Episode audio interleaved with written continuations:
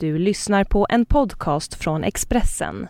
Fler poddar hittar du på expressen.se podcast och på iTunes.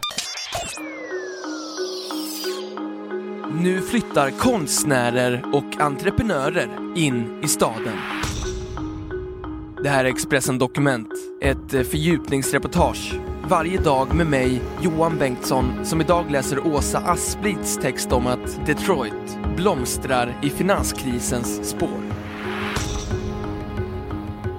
Konkurshotade Detroit har skulder på nära 100 miljarder kronor och kämpar nu för att överleva.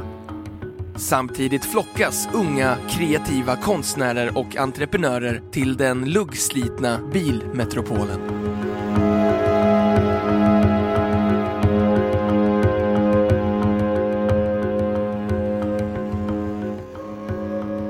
Hus med vildvuxna trädgårdar och trasiga verandor. Sönderbrända tomter eller gårdar fulla med skräp. Tidigare hem som tagits över av uteliggare eftersom ingen längre vill ha husen. Inte ens om de skänks bort. Bilderna som kommit från Detroit de senaste åren andas ödeläggelse och misströstan. När staden för en dryg vecka sedan tvingades acceptera att de får en särskild tvångsförvaltare var det därför få personer som blev överraskade. Men nu måste de män och kvinnor som hittills styrt bilmetropolen lära sig hur de ska samarbeta med Kevin Orr, konkursadvokaten från Washington som fått i uppdrag att rädda Detroit. Han tillträdde sitt nya jobb igår och från och med skärtorsdagen är det hans ord som är lag. Han får ett väldigt svårt uppdrag, även om alla stadens politiker stod bakom honom. Och nu är stora delar av kommunstyrelsen dessutom motståndare till att han ska ta över, säger Alan Goodman, professor i urban ekonomi, Wayne State University i Detroit. Detroit var under många år en av de mest framstående städerna i USA och lockade tiotusentals invandrare att flytta dit eftersom det var där jobben fanns. Känd som motorstaden, där några av USAs största biltillverkare hade sina huvudkontor, eller som Motown, smeknamnet som blivit synonymt med en hel musikstil. Författaren Mark Binelli som skrivit boken Detroit City is the place to be, beskriver staden som den moderna tidens vagga, jazztidens Silicon Valley. Det finns en romantisk bild av staden som fascinerar människor över hela världen, säger han. Men i takt med att marken började skaka under bilindustrin ökade även Detroits problem. Arbetslösheten växte samtidigt som etablerade företag och många av de invånare som fortfarande hade jobb valde att flytta. Det gick så långt att hösten 2008, när hela USA drabbades av den ekonomiska krisen skrev presidentkandidaten Mitt Romney en debattartikel i New York Times där rubriken var “Låt Detroit gå i konkurs”.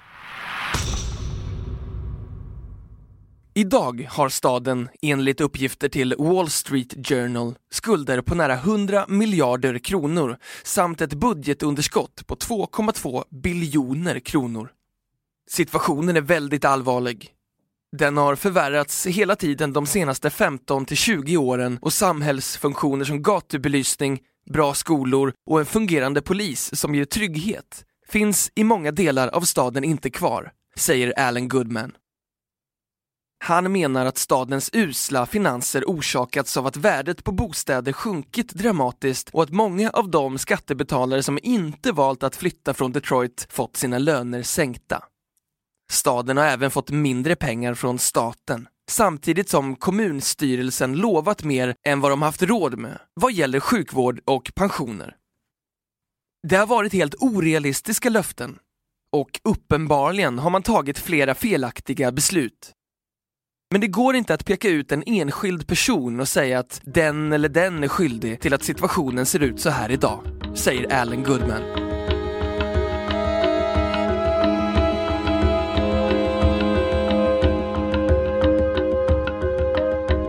Expressen Dokument, en podcast från Expressen.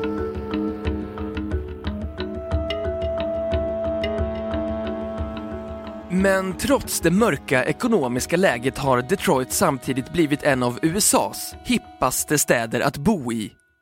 De låga boendekostnaderna lockar unga konstnärer, musiker, företagare inom framförallt skapande yrken och den nya tidens urbaniserade bönder som använder de outnyttjade villaträdgårdarna till att odla ekologiska grönsaker.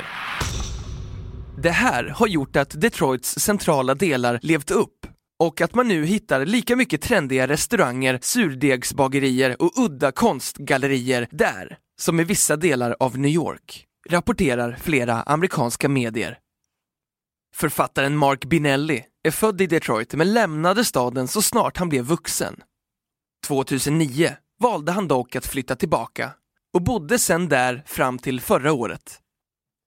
Jag bodde i ett fantastiskt litet kvarter med bra restauranger, barer och coola människor. Många flyttar dit för att det är så billiga hus och de har talas om att man kan ta över en hel lagerlokal och göra vad man vill där, säger Mark Binelli. Han är övertygad om att de unga nyinflyttade invånarna har en positiv effekt på staden, även om den fortfarande är marginell. Det skapar väldigt mycket energi men man ska inte förneka att Detroit också kan vara ett farligt och hemskt ställe. Det beror på vart man är. Myndigheterna är inte sena med att utnyttja trenden och stadens borgmästare Dave Bing har startat ett särskilt program som heter Transforming Detroit. Tanken är att förbättra och utveckla saker som allmänna kommunikationer, säkerhet och stadsplanering och på så vis åter göra Detroit till en stad i världsklass.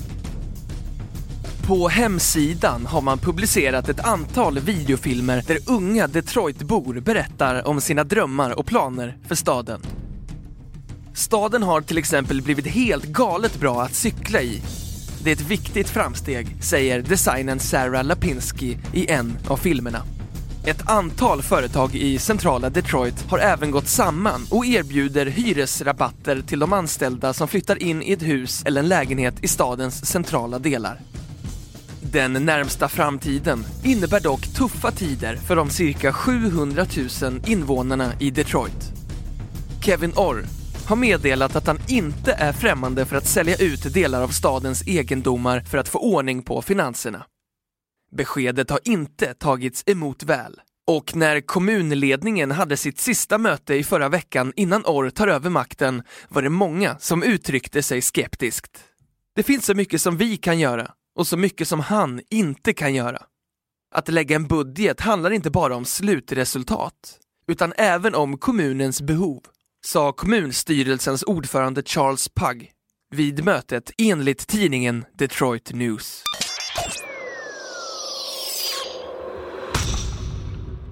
Du har hört Expressen Dokument, ett fördjupningsreportage om att Detroit blomstrar i finanskrisens spår av Åsa Asplid som jag, Johan Bengtsson, har läst upp.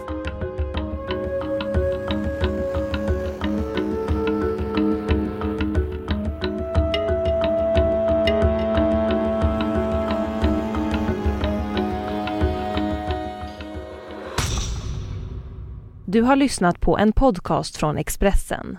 Ansvarig utgivare är Thomas Mattsson. Fler poddar finns på Expressen.se och på iTunes. Ett poddtips från Podplay. I fallen jag aldrig glömmer djupdyker Hasse Aro i arbetet bakom några av Sveriges mest uppseendeväckande brottsutredningar. Går vi in med hemlig telefonavlyssning och, och då upplever vi att vi får en total förändring av hans beteende. Vad är det som händer nu? Vem är det som läcker? Och så säger han att jag är kriminell, jag har varit kriminell i hela mitt liv men att mörda ett barn, där går min gräns. Nya säsongen av Fallen jag aldrig glömmer på Podplay.